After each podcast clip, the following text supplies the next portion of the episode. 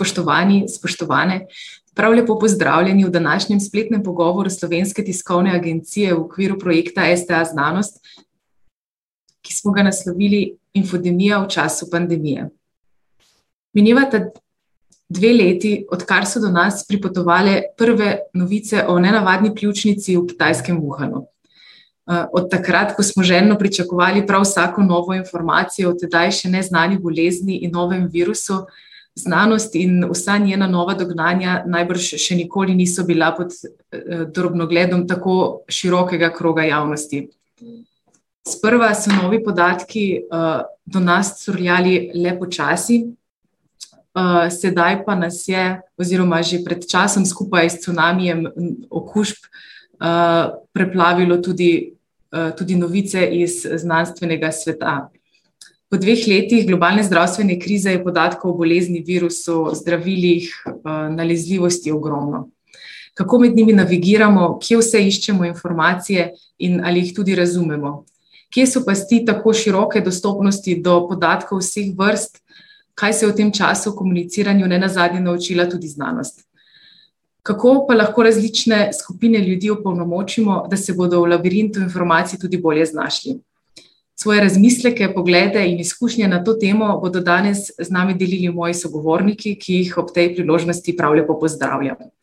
Na, na naši virtualni okrogli mizi danes gostim, najprej pozdravljam magistrico laboratorijske laboratorijske biomedicine, se opravičujem, Lucijo Ano Vrščaj, mlado raziskovalko na ljubljanski Fakulteti za farmacijo, sicer se pa nam danes pridružuje predvsem v vlogi ene od moderatork Facebookove skupine Science Mamas Vaccine Forum, ki jo vodi skupaj s skupino znanstvenic, s katerimi odgovarjajo na vprašanja in pomisleke uporabnikov skupine glede cepljenja, cepiv pa še česa drugega.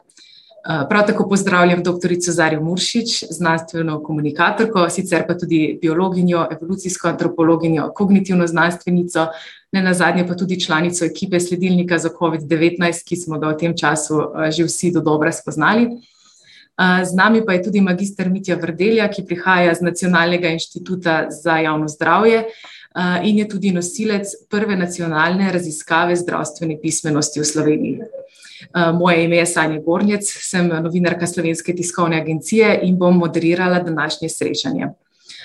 Vsem, ki se vam pa ob poslušanju današnjega pogovora morda zastavi kakšno vprašanje, pa prav lepo vabljeni, da nam ga zastavite na elektronski naslov klub sta afna pika si, in ga bom v nadaljevanju pogovora zastavila tudi našim sogovornikom. pa bi začela kar z vami, magister Vrdelja.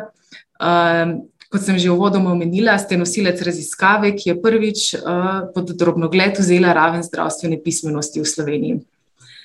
Kako pripravljeni smo bili Slovenci na to infodemijo vseh podatkov zadnjih dveh let, oziroma če vas vprašam malo drugače, katerih nekaj ključnih izsledkov raziskave bi podčrtali oziroma izpostavili za naš uvod? Hvala lepa, lepo pozdravljeni vsi skupaj in hvala za povabilo.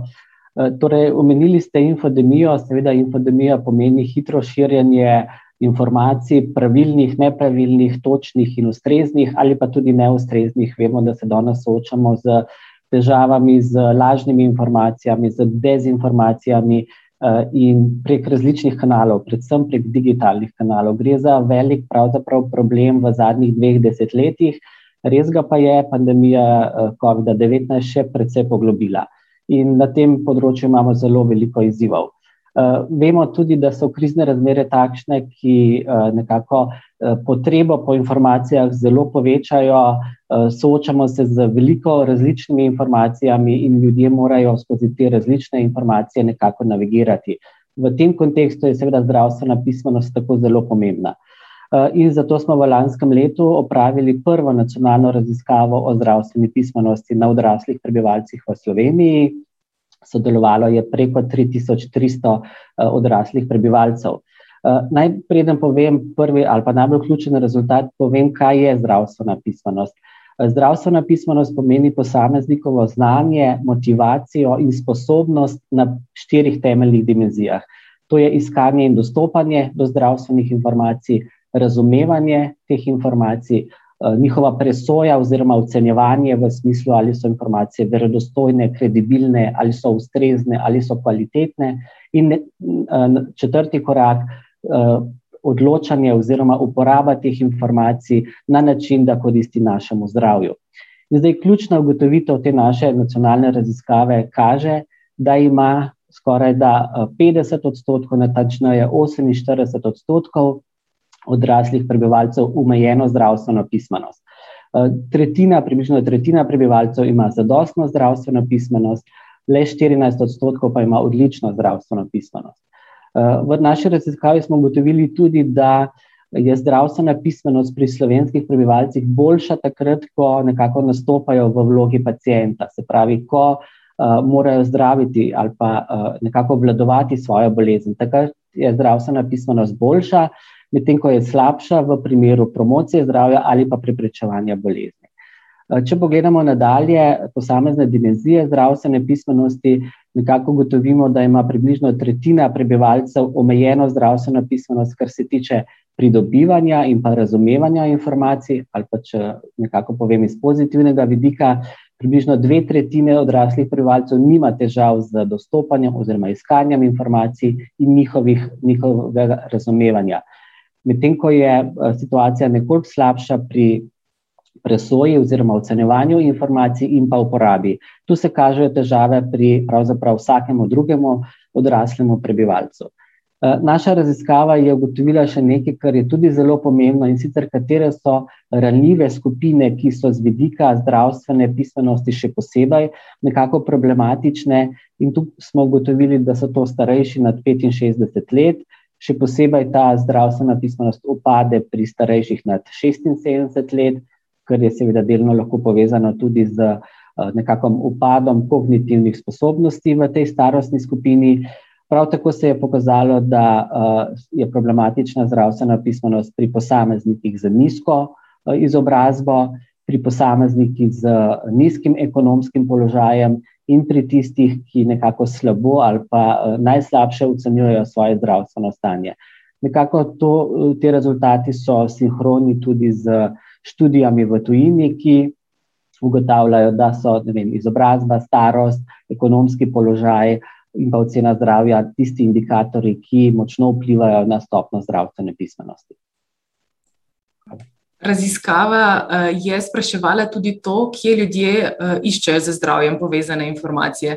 In kar dve tretjini odraslih te podatke dobivajo, pridobivajo tudi na spletu. Uh, Pomemben del tega so pa tudi družbena omrežja, ki so lahko oglasna deska za vsakogar z dostopom do svetovnega spleta. Magistrica Lucijana Vrščaj, skupino Mam znanstvenic, kot sem že omenila, vodite oziroma moderirate Facebook skupino, v kateri strokovno odgovarjate na vprašanja, predvsem o cepljenju. Zanima me, kje se je rodila oziroma začela ideja v skupini Eh, in kakšno je njeno osnovno vodilo oziroma eh, vaš namen? Eh, ja, lepo pozdravljeni. Hvala za vprašanje. Um, se pravi, v bistvu skupina in sama ideja se je rodila zvečer ob nekem online pogovoru, ki smo ga imeli z ostalimi moderatorkami v skupini. Uh, dejansko smo se pogovarjali o tem, kako so v mnogih skupinah na Facebooku, kamor smo bile tudi same učlanjene, um, ljudje pač iščejo informacije o cepljenju na splošno, ne samo proti COVID-u. Sicer. In ljudje, ki so iskali take informacije, so bili zelo hitro napadeni, da je cepljenje slabo. In sama komunikacija je bila vedno zelo agresivna, pravih informacij pa ti ljudje niso dobili. Tako smo se odločili, da naredimo svojo skupino, eh, kjer ljudem preprosto odgovarjamo na njihova vprašanja, pri tem pa se trudimo, da je naš odgovor vedno podkrepljen z vsaj nekaj relevantnimi študijami. Morda še pod vprašanje. Um, nivo komunikacije v vaši skupini je zelo visok na kak način ga vzdržujete, uh, kakšna so vaša pravila oziroma vodila, če mogoče vprašam tako. Um, ja, ne, najprej povem, da vzdrževanje takega nivoja komunikacije je zelo zahtevno za nas, moderatorke, je težko, vzame veliko časa, sploh zdaj, ko se je skupina tako povečala, ker pač imamo veliko ljudi, ki so nasprotniki cepljenja. Um, in veliko komentarjev preprosto zaklenemo, in veliko jih tudi brišemo. Seveda, s tem smo obtožene cenzure, ampak preprosto naša skupina ni namenjena temu, da se vodi taka debata, kjer je komunikacija nastrojena in da se vodi debata, kjer ni znanstveno podkrepljenih odgovorov. V zadnjem letu je bilo slišati tudi več eh, pomislekov ali pa skepse na račun stalno spreminjajočih se podatkov. Najprej je bilo to o nalezljivosti virusa, eh, hitro je prišlo do različnih interpretacij učinkovitosti cepiv, eh, zaščite po cepljenju, cela vrsta takih področji. Mm, ob tem se mnogi sprašujejo, mnogi, morda jih ni toliko, kot so pa toliko bolj glasni, češ, kaj sploh je res, komu lahko še verjamemo, če nekoliko pretiravam. Uh, vprašanje morda za vas, doktorica Zarja Muršič. Kako odgovoriti na take pomisleke uh, velikemu uh, kro, krogu ljudi, ki morda ni dnevno v stiku z tem, kako pač znanost de, deluje, da se pač na podlagi novih podatkov prihaja do novih ugotovitev? Pa morda tudi na drugi strani vprašanje, kako pomembno pa je, da se v primeru, uh, če se zgodi neka strokovna napaka, to tudi transparentno predstavi javnosti. Uh, ja, lep pozdrav vsem še v mojem imenu in hvala za povabilo in hvala za organizacijo te okrogle mize. Um, to, je, to je tako zelo aktualno vprašanje v zadnjih tednih oziroma v zadnjem letu.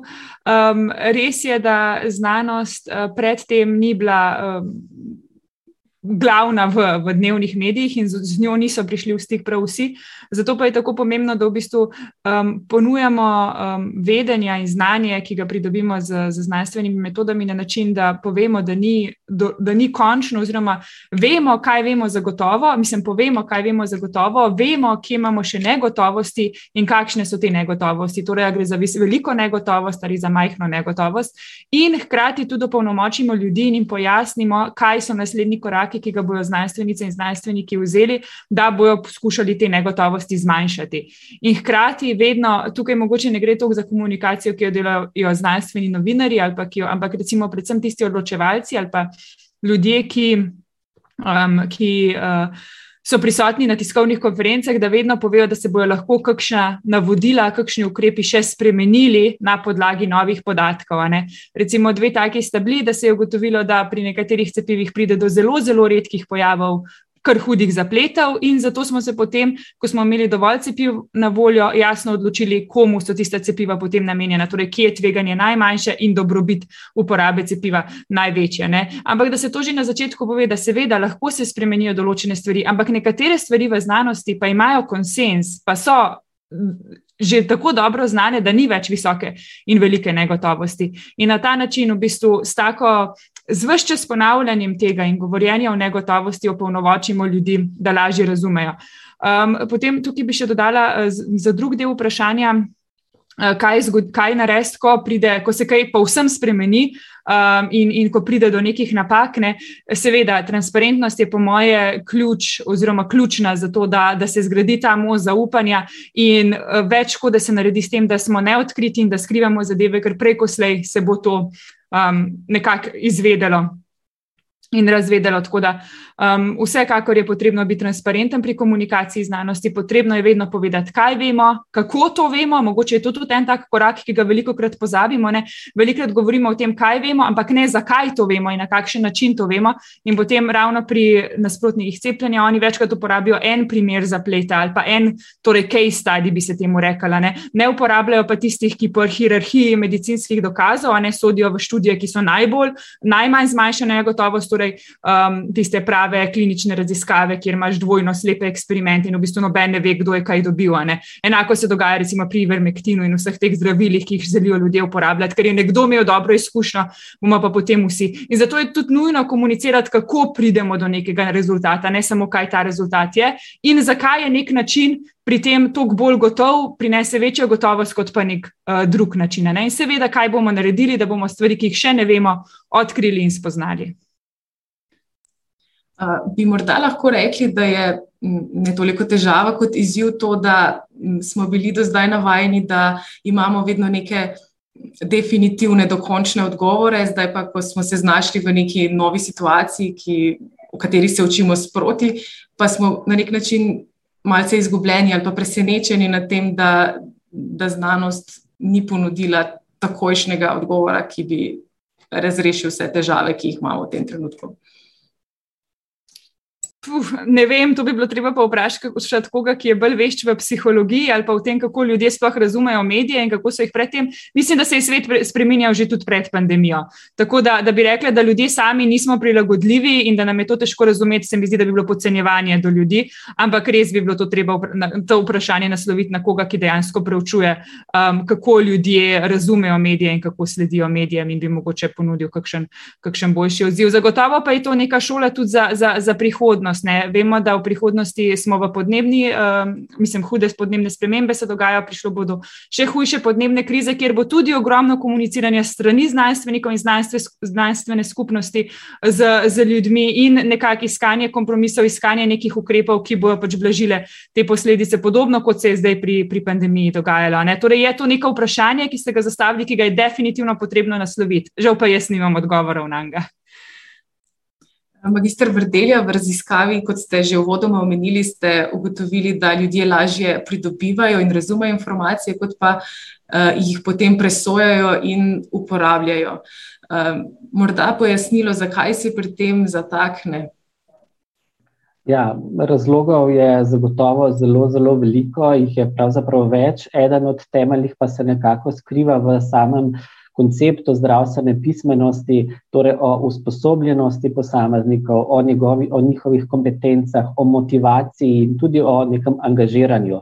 Uh, namreč zaradi zelo širokega dostopa do različnih informacij, in vemo, da danes uh, se krepi uporaba di različnih digitalnih kanalov, ki jih uporabljamo tudi za zdravstvene namene, ne, uh, je pravzaprav ta korak najbolj enostaven. Tukaj ni potrebno prav veliko nekih motivacij ali pa nekega angažmaja, da pridemo do različnih informacij.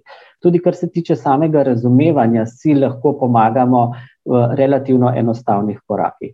Medtem ko precej težje pa je, seveda, ali pa precej bolj moraš biti motiviran takrat, ko moraš posamezne informacije presojati, pa vrednotiti. Ko pridemo do informacije, ko jo je treba preveriti v različnih virih, kdo je avtor te informacije, ali so informacije pravilne, ali je zdravnik, ki je citiran dejansko zdravnik, ali je znanstvenik, ki je citiran dejansko znanstvenik, kakšne so njegove objave, kdo je pravzaprav, kdo stoji za posamezno spletno stranjo. To so vse neke neki elementi, neki koraki, s katerimi nekako presojamo posamezne informacije, in da vse to naredimo, je seveda potrebno biti kar precej motiviran in angažiran. In nadalje, tudi v tej četrti stopni zdravstveni pismenosti, torej uporaba informacij, tu pa je ta angažma, pa ta motivacija še toliko bolj uh, pomembna in potrebna. In kolikor tega ni, seveda, uh, potem ljudje tega koraka nekako ne naredijo. V, po, v pomoč pri ravno tej uporabi in presojanju informacij tudi vaša skupina na Facebooku, um, eh, doktorica Lucijana, eh, magistrica Lucijana Vrščaj. Um, v zadnjih dneh sem pri pregledu objav in komentarjev uh, zasledila kar pogosto na zapise v stilu: Prebrala sem strokovna priporočila, jih razumem, um, tudi vaša pojasnila ampak me vseeno skrbi, ker in običajno za tem sledi neka um, osebna zgodba, anekdota, ki je običajno zelo čustveno nabita. Um, pa me zanima, kako pri vas odgovarjate na, na take primere. Um, ker, kot ste uvodoma omenili, odgovarjate pač z nekimi stro, strogo um, strokovnimi dejstvi, ki pa jih je na nek način težko zapakirati v neko zelo privlačno obliko, si predstavljam. Uh, ja, seveda se strinjam. Um, to je zelo težko. Na takšne dileme v bistvu zelo težko odgovarjamo. Zdaj, kar lahko naredimo, je, da poskušamo razložiti, da tudi same razumemo, poudarjamo, da smo tudi same mame, da imamo tudi same skrbi, sploh glede naših otrok. Ampak mi v končni fazi sebi ne dopustimo, da proti zdravemu razumu pretehtajo čustva. Zdaj, kako to prenesti na ostale? Je pa, je pa težko. Poskušamo, seveda, z razumevanjem, sočutnostjo, ampak prej ali slej pridemo do neke točke, kjer preprosto človeka ne moremo več prepričati, ga ne moremo več pomiriti, in pač tam rečemo, se odločite sami, podali smo informacije, ki smo jih lahko, zdaj pa žal je na vas. Kaj pa so sicer najpogostejše vprašanja oziroma skrbi, ki jih na vas naslavljajo? Uh, ja, najpogostejša vprašanja trenutno so seveda o cepljenju proti COVID-u, predvsem med nosečnostjo. Uh, najpogostejše skrbi so tako, ali bo cepljenje vplivalo na plod, Eh, ali sestavine, ki so v cepivu med dojenjem, prehajajo na otroka. Um, zdaj, kar je mogoče tukaj zaskrbljujoče, je to, da nekako ne zaupajo mnenju svojega zdravnika ali specialista.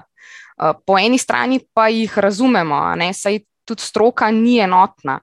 Recimo, kakšen ginekolog še vedno ne priporoča cepljenja med nosečnostjo, čeprav se pravi Združenje perinatalne medicine to seveda priporoča. Uh, Um, in potem tudi z določenimi izjavami nekaj posameznikov se zaupanje v stroko spet hitro izgubi. Je pa pri vsakem posamezniku drugačeno. Se pravi, nekateri recimo imajo te dileme, nekateri pač jih imajo malo manj, jih je lažje prepričati. No?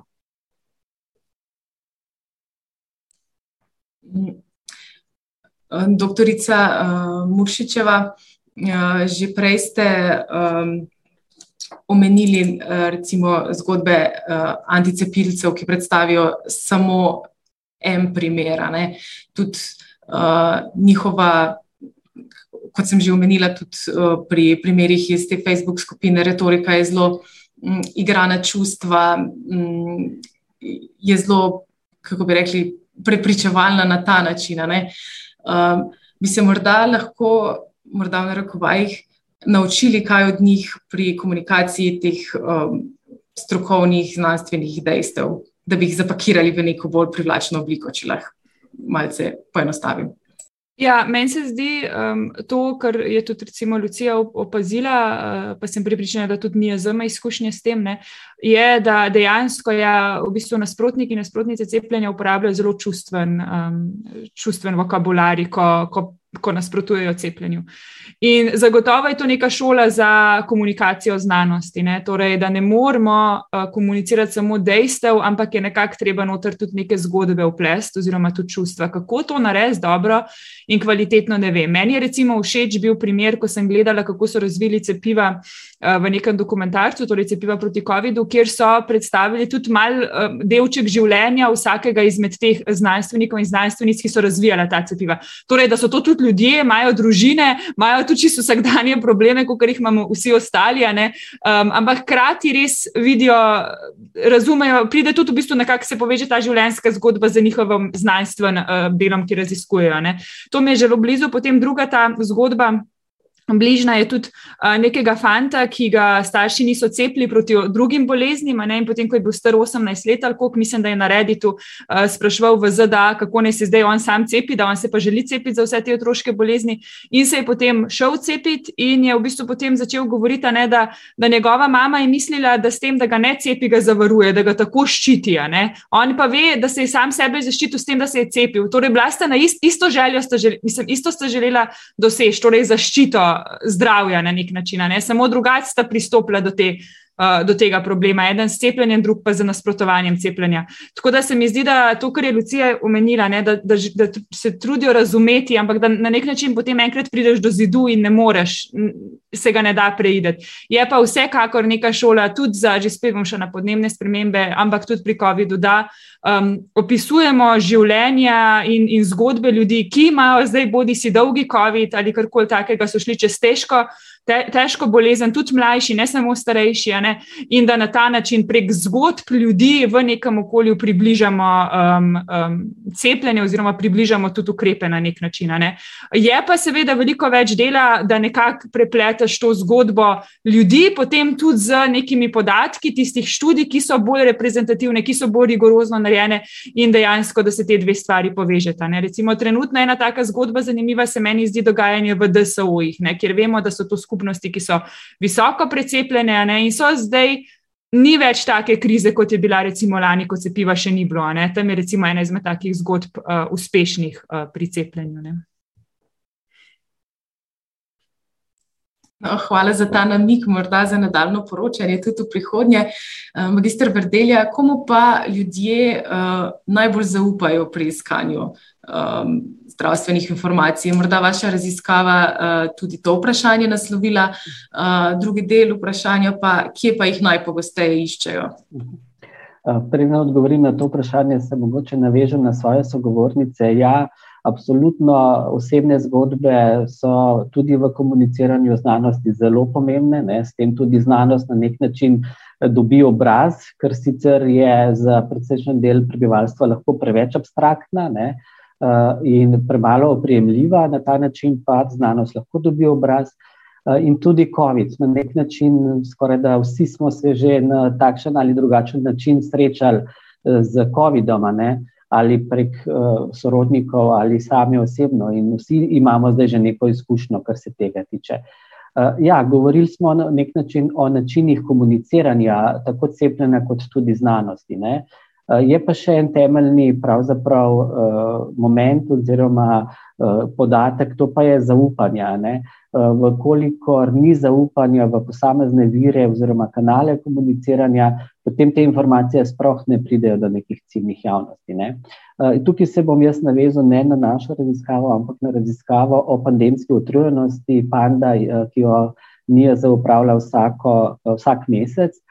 In raziskava iz oktobra, sredine oktobra na tisoč prebivalstva nekako kaže, da je stopnja zaupanja največja v, eh, v osebnega zdravnika, ne, na, ne v zdravnika, ampak v osebnega zdravnika. Eh, nekoliko nižja je na splošno v zdravnike, zanimivo je, visoka stopnja zaupanja imajo tudi bolnišnice, in na tretjem mestu, seveda, znanstveniki, kar je um, pravzaprav zelo spodbuden rezultat in tudi podatek.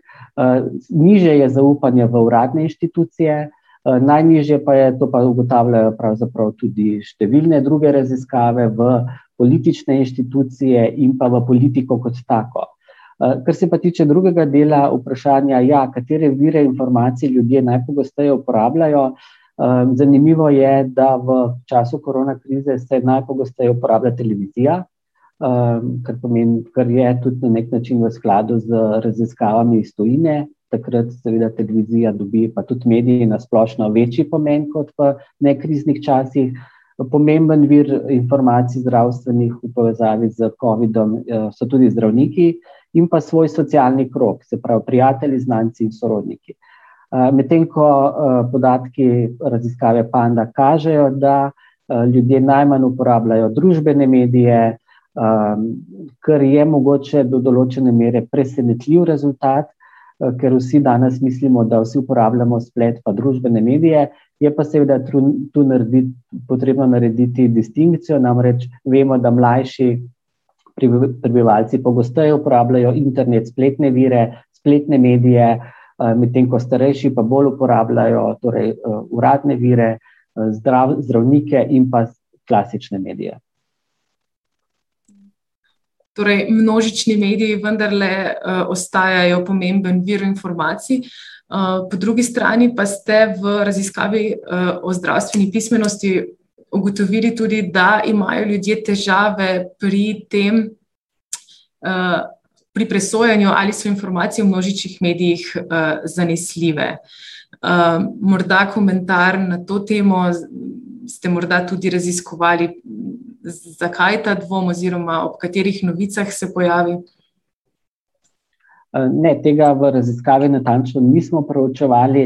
Je pa seveda problem presojanja informacij v tem ogromnem številu na nek način informacij, ki smo jim vsak dan nekako izpostavljeni. Zdaj, ena od tujih raziskav kaže, da smo ljudje dnevno izpostavljeni približno 5000 različnim informacijam, kar je tako ogromna pravzaprav številka, da uh, moraš, kot sem že prej omenil, biti zelo motiviran in angažirati, da greš preverjati, ali so te informacije uh, tudi ustrezne ali ne. Kot sem rekel, nismo pa bolj podrobno uh, proučevali, zakaj uh, pravzaprav imajo težave v, uh, pri nekako presojanju, ali so informacije iz medijev uh, ustrezne, uh, kredibilne, verodostojne in pravilne, ne nazadnje. Magistrica Lucija Ana Vrščaj, vi imate uh, najbrž za izkušnjo ljudi na to temo malce več izkušenj. Um, koliko vprašanj morda izhaja iz poročanja uh, dnevno informativnih medijev na temo cepljenja? Uh, Uh, jaz osebno moram priznati, da sem bila kar presenečena v zadnjem tednu uh, nad objavami v vaši skupini, uh, se pravi po začetku cepljenja otrok v starostni skupini od 5 do 11 let. Uh, sama sem o tem dnevno poročala in se mi je zdelo, da sem ustrezno in dovolj odgovorila na neka osnovna vprašanja. Ampak uh, pri vas pa so bila kar pogosta o tem, ali je cepljenje priporočeno, uh, tudi čist taka logistična so se pojavila vmes um, kje se prijaviti, koga vprašati. Uh, kakšna je torej vaša izkušnja s tem, uh, kako ljudje pridobivajo informacije iz, te, iz tega nekega uh, dnevnega por, medijskega poročanja? Uh, ja. V bistvu, če se mogoče navežem na uh, gospoda pred mano, ne, um, ugotavljamo še vedno, da veliko stvari slišijo preko televizije. Uh, potem je mogoče tudi radio, predvsem se mi zdi pri starejših ljudeh, večinoma tudi po radiju, še slišijo stvari, uh, pri mlajših generacijah. Pa veliko pride z interneta, se pravi, internet, razne spletne strani, mogoče tujih medijev, um, in tudi preko družbenih omrežij. Um, zdaj, to je v bistvu zelo zanimivo, no, mogoče Um, mi same smo se odločili, da bomo na Facebooku stopili, zato ker se nam je zdelo, da pač mogoče bomo tukaj najbolj približali predvsem tej skupini, pač publiki uh, mlajših, se pravi, mamic bolj. Uh, na to smo se navezovali, seveda pač zdaj nas je to preraslo. Um, zdaj cepljenje otrok. To je bilo zdaj seveda glavna novica.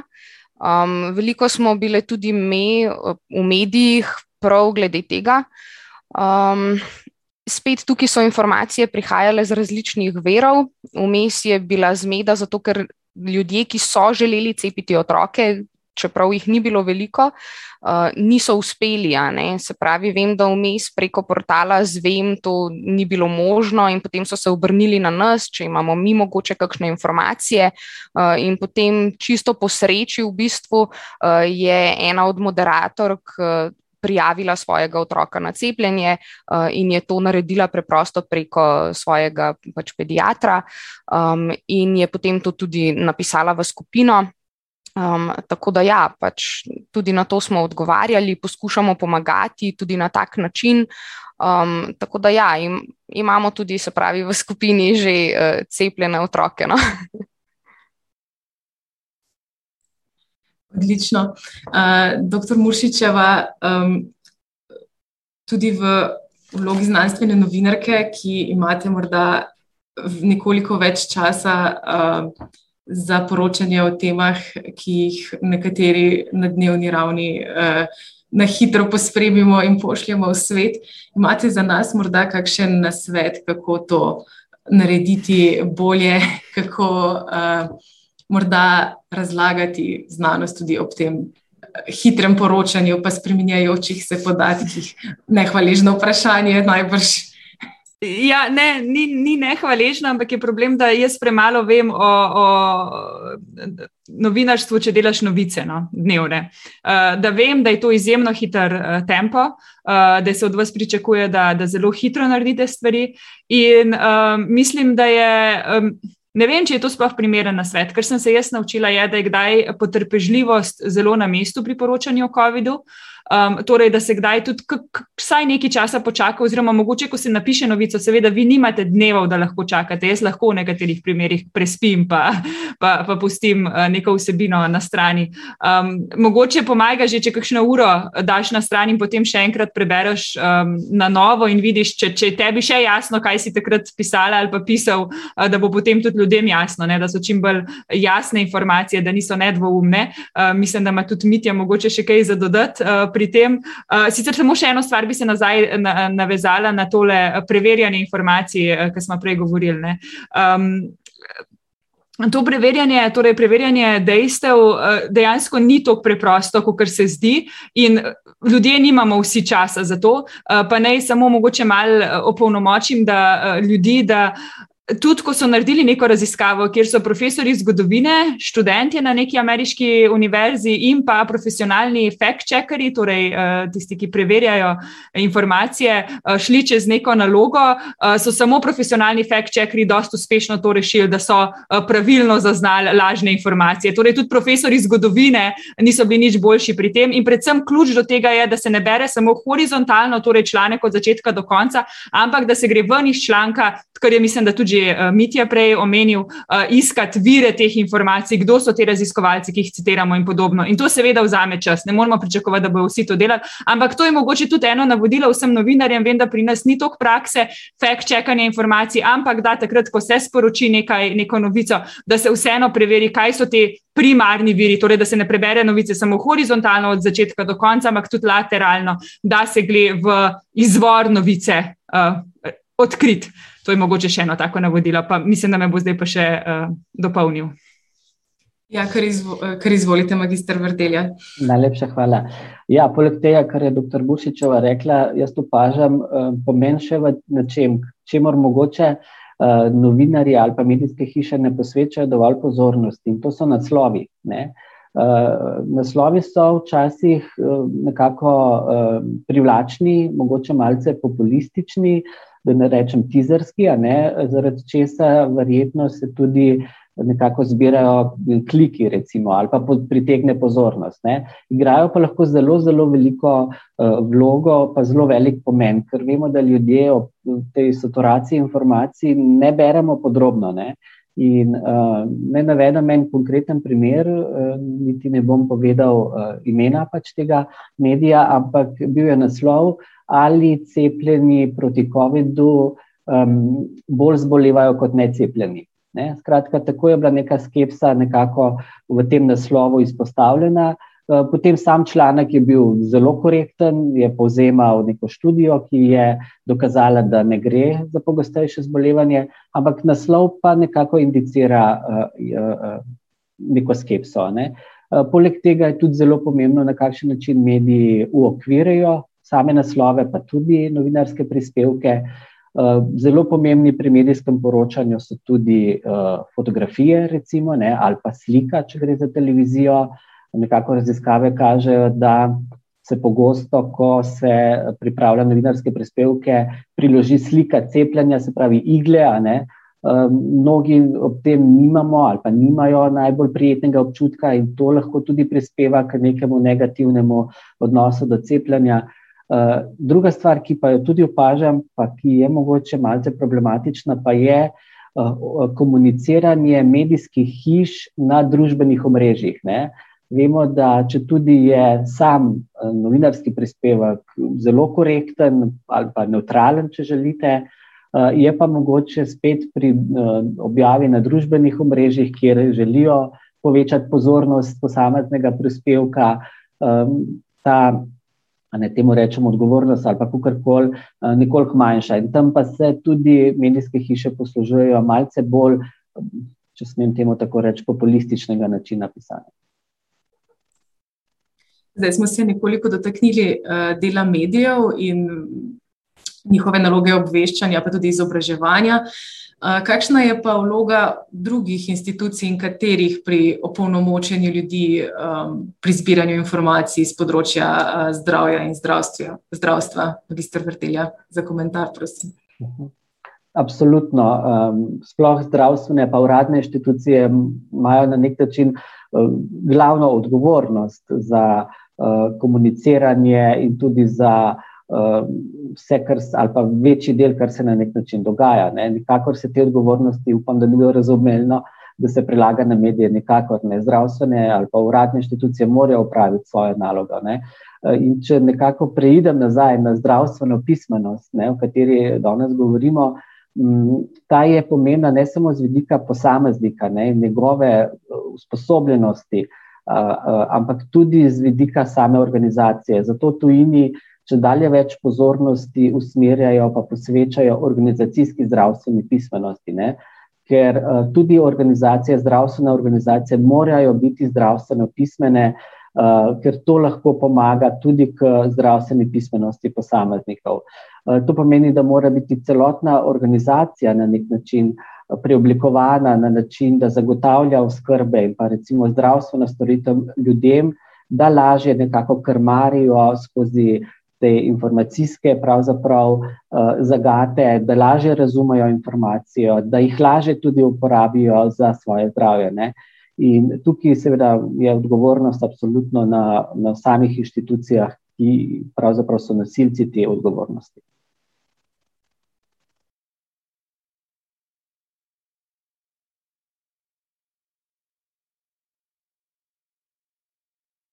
Se upravičujem, zdaj pa se najbrž slišimo. Eh, kako se je po vaši oceni ehm, v tej situaciji znašel NIAZ, sprašujem vas kot eh, predstavnika te inštitucije, pa tudi kot ehm, skrbnika javnega zdravja, če povzamem. Ehm, v teh dveh letih najbrž si niste predstavljali, da bo to vaša naloga. Eh, kako ste se lotili tega projekta obveščanja javnosti v času te zdravstvene krize?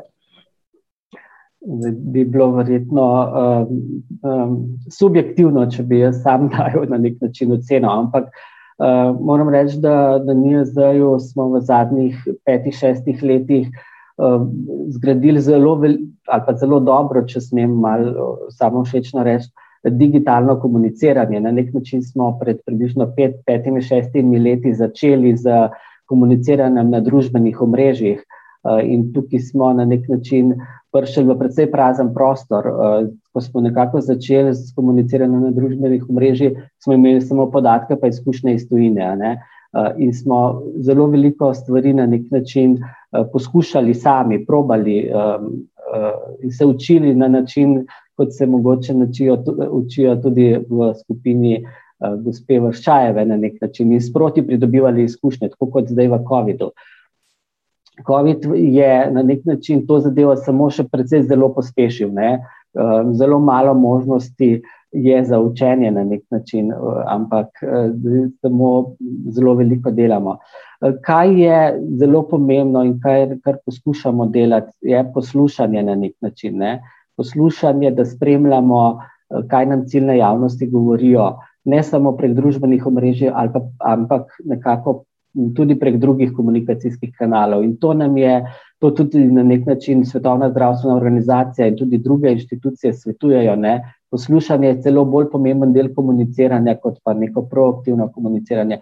In poskušamo tisto, kar nekako dobimo, seveda, majhen obseg tega eh, nekako pretopiti v proaktivno komuniciranje. Eh, kar se tiče samega NIAZ-a, pa tudi na nek način vseh uradnih inštitucij, je ta, da je stopnja zaupanja javnosti v te vire informacij zelo se zamajala ali pa je zelo upadla. Ne? In to je velik problem, pa tudi velik izziv bo v, v, v prihodnih letih, ko se bo, upajmo, da ta pandemija na nek način končala. Ne?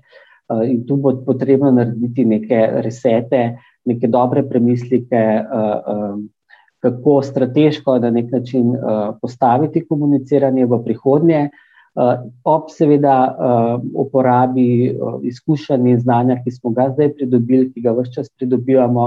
Kot smo govorili o posameznih orodjih komuniciranja, se pravi osebne zgodbe, ne anekdote, in pa seveda izboljšanju uh, samih komunikacijskih kanalov.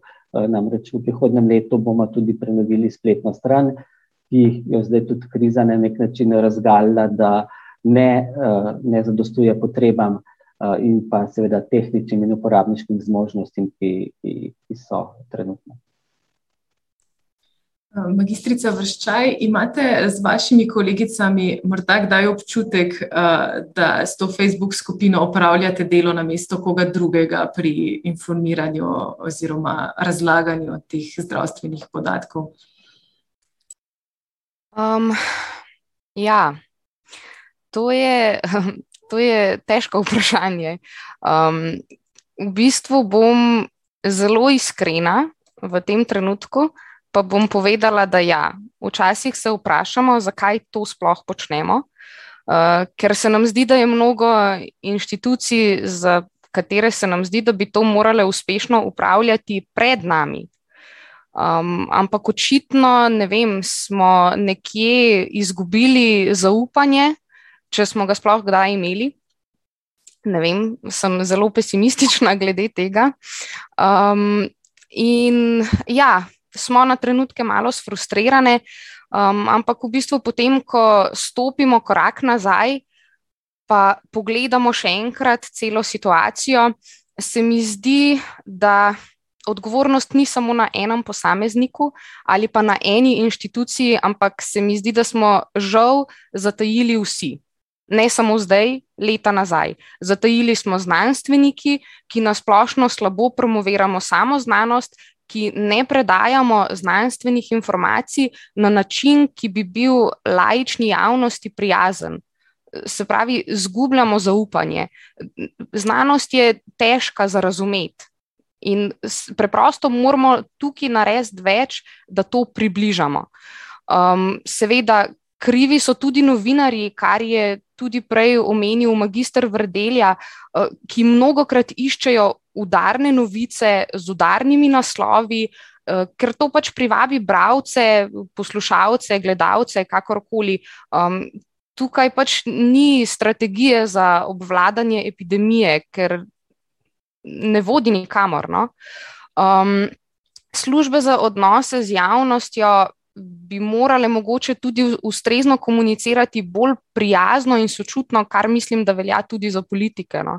Um, ampak ja, spet poudarjam, gre za zaupanje, ki ga moramo nazaj pridobiti.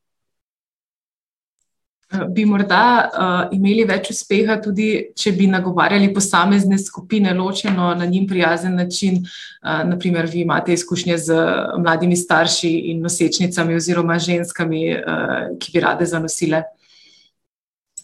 Um, ja, se pravi, jaz mogoče tukaj mislim, da smo mi prave osebe za nagovarjanje te ciljne skupine.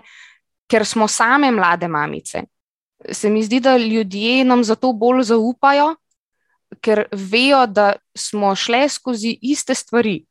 Se pravi, isto smo se spraševali, ali je to v redu za mojega otroka, um, ali je zdravo, ali je nevarno. Uh, in seveda iz tega razloga nam mogoče toliko bolj zaupajo. No. Mogoče ena strategija bi bila to, kot je tudi Zarja že prej omenila, um, se pravi, približati tudi znanstvenike, v bistvu predstaviti kot ljudi, kot osebe z nekimi zgodbami. Ne?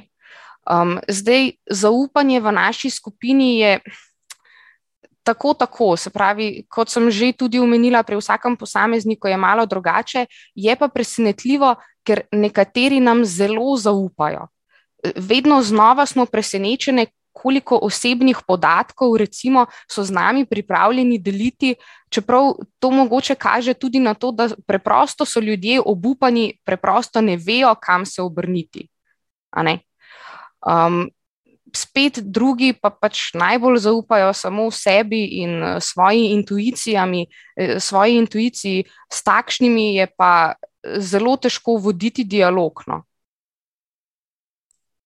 Najbrž bo vedno nekje uh, obstajala skupina ljudi, ki bo ostala pri nekem svojem stališču in jih nič in nihče ne bo moglo prepričati v nasprotno.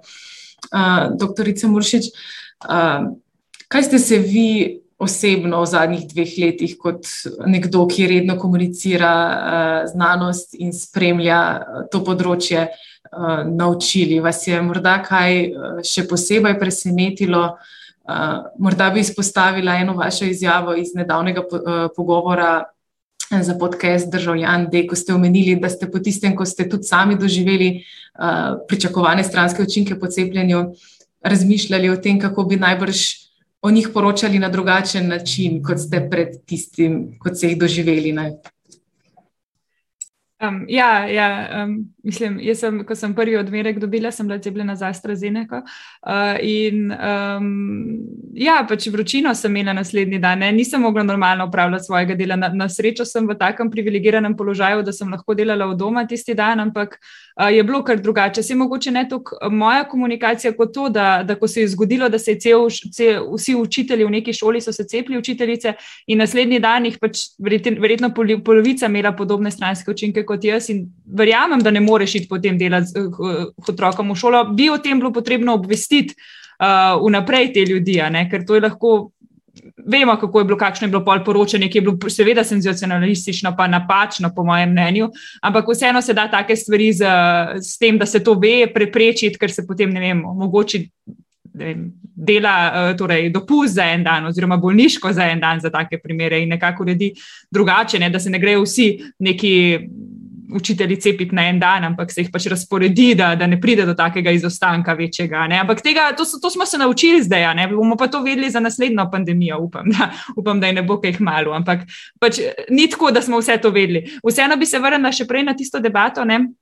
Glede komunikacij, dejansko mi imamo v Sloveniji problem zaupanja inštitucij, ki ni toliko zaupanja v znanost, ampak prav v inštitucije. Kje smo to zgubili, jaz ne vem, ampak to je treba popraviti. Bi pa vseeno omenila dve raziskavi o cepljenju, ki sta se zgodili pred pandemijo. Sicer 2015 oziroma 2014, to bo po moje Mitja bolj vedel, točne letnice, so naredili, um, so z Vaccine Confidence Project je naredil raziskavo uh, zaupanja v cepljenje v različnih državah po celem svetu, vmes je bila tudi Slovenija. Takrat je Slovenija padla med države, kjer je bilo nizko zaupanje v cepljenje, v, v, če primerjamo z drugimi evropskimi državami. In 2018 je Evropska komisija ponovila to raziskavo, kjer se je izkazalo, da je Slovenija takrat napredovala, ni bila več med tistimi z največjim nezaupanjem in naj, najnižjim zaupanjem v cepljenje. V bistvu. To pomeni, da se je čez tiste tri leta nekaj dogajalo na terenu, verjetno. Ne? Se mi zdi, da imamo mi veliko uh, ljudi, ki to delajo aktivno in so delali, da bi zvišali zaupanje v cepljenje v Sloveniji. Seveda, v pandemiji je bila potem čist druga situacija, samo ni čisto, da se o tem ne bi nič pisalo, ne bi nič delalo zadaj, tudi pred pandemijo.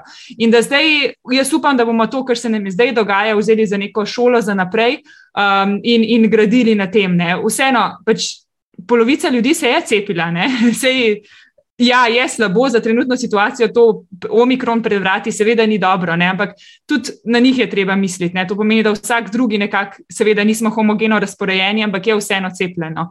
Um, kar sem se pa jaz naučila kot novinarka. In kot nekdo, ki pokriva znanost, je definitivno, uh, da imeti malo potrpežljivosti, da kdaj počakati na, bolj, na manjšo negotovost, ki, ki, kot jo trenutno imamo. Recimo, omikron je tak primer. Še zdaj ne vemo čistočno, ali in pri kom ima blažji potek bolezni, in pri kom ne. ne.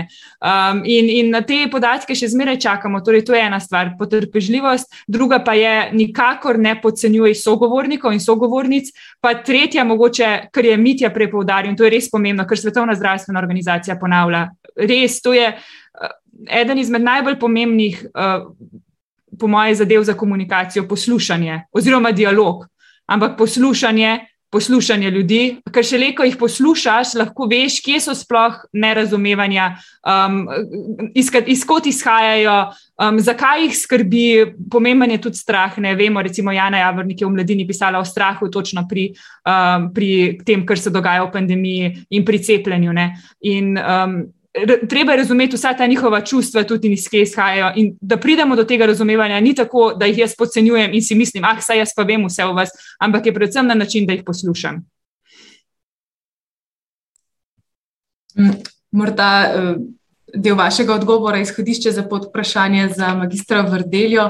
Um, Kako torej naprej? Zdaj imamo nek pregled stopnje zdravstvene pismenosti s to raziskavo. Uh, kakšni so vaši načrtovani koraki za vnaprej? Um, boste morda pripravljate morda kakšna izobraževanja, projekte, na koga se boste osredotočili v nadaljevanju, da bi izboljšali oziroma opolnomočili prebivalce Slovenije v iskanju informacij na področju njihovega zdravja in pa dostopa do zdravstvenih storitev. Ja, bom samo še nadaljeval tukaj, kar je dr. Mušičeva rekla. Poleg vsega, kar je povedala, tudi neka strpna komunikacija, mislim, da s tem načinom lahko v prihodnje nekako izboljšamo to res nizko stopnjo zaupanja v pravzaprav ne samo v radne inštitucije, ampak v vse in vsakogar. Vidimo, da je trenutna kriza, mogoče še bolj kot zdravstvena, je v bistvu kriza zaupanja ne? ali pa nezaupanja, če želite. Ne? In tukaj bo treba na, na različnih področjih narediti. Kar se tiče komuniciranja, treba bo pristopati v bistvu po posameznih segmentih. Ne? Ljudje si želijo nekako individualne obravnave tudi pri komuniciranju zdravstvenih informacij na nek način. Kar se pa tiče prihodnih korakov, kot prvo menim, da je potrebno okrepiti ali pa povečati zdravstveno pismenost v tistih najbolj ranljivih skupinah, ki sem jih prej navedel. Tam se dejansko kaže nizka zdravstvena pismenost in zaradi tega tudi nižje oziroma slabše zdravje. Vemo, da je zdravstvena pismenost pomembna determinanta zdravja. Ljudje z nizko zdravstveno pismenostjo imajo slabše zdravje, slabše obvladujejo svojo, recimo, kronično bolezen, nekako slabše koristijo zdravstvene storitve. In imajo tudi krajšo življenjsko dobo. To so zelo pomembni indikatorji, zaradi katerih je potrebno vlagati v višanje zdravstvene pismenosti, tako na individualni, kot tudi na organizacijski ravni, kot sem rekel. Zdaj v Sloveniji se skupaj z Ministrstvom za zdravje imamo projekt o zdravstveni pismenosti. Na podlagi pridobljenih informacij in podatkov iz raziskav se bodo naredile posamezne intervencije, kot sem rekel, ciljano v najbolj ranljive skupine. V prihodnjih dveh letih se bodo te intervencije razvile, tudi naredile v pilotnem okolju, testirale in potem upam, da tudi uspešno uvedle v sistem. Vsekakor so koraki potrebni na sistemski ravni, nikakor parcialno, pa ne povezano, ampak samo nekako na sistemski ravni lahko tudi na populacijski ravni dvignemo zdravstveno pismenost in pa v posameznih, kot sem rekel, ranljivih skupinah. Čas hitro teče, pa mi dovolite, da pred krogom sklepnih misli predstavim še ostale moderatorke skupine, ki jo danes predstavlja Lucijana Vrščaj. Vendarle je to skupinski projekt, to so doktorice Nataša Karez Koželički, ki je tudi začetnica skupine, Martina Gobec, Jasna Omerzel, Tijana Markovič in Simona Jurkovič Mlakar. Nedavno pa ste se pridružili še doktorici Anja Pišlar in Nina Greseli Kmet. Zdaj pa morda še za konec, prosim vsakega sogovornika za neko sklepno misel, kaj bi morda rad, da odnesemo poslušalci od današnje debate v tem svetu, v katerem je morda informacij lahko tudi preveč. Pa morda začnimo z doktorico Muršič. Ne vem. Ja, predvsem ta strpnost se mi zdi, da je tudi kar pomembna, ki je bila na koncu omenjena, ne, in poslušanje. Pa mogoče bi še dodala, no, prej, ko je, ko je Lucija govorila o tem, kaj je njihova vloga. Res je pomembno to, da v svoji skupnosti gradimo zaupanje, no.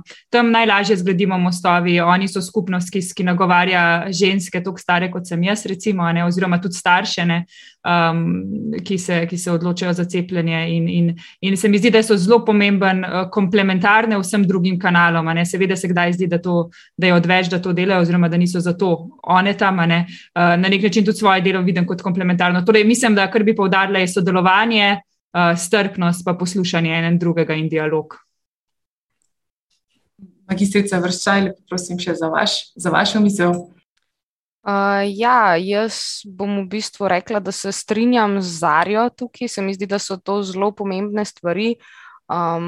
preprosto mogoče bi še povedala, da naj ljudje pazijo, kaj berejo na internetu, ker lažne informacije se širijo kot požar, mnogo hitreje kot prave.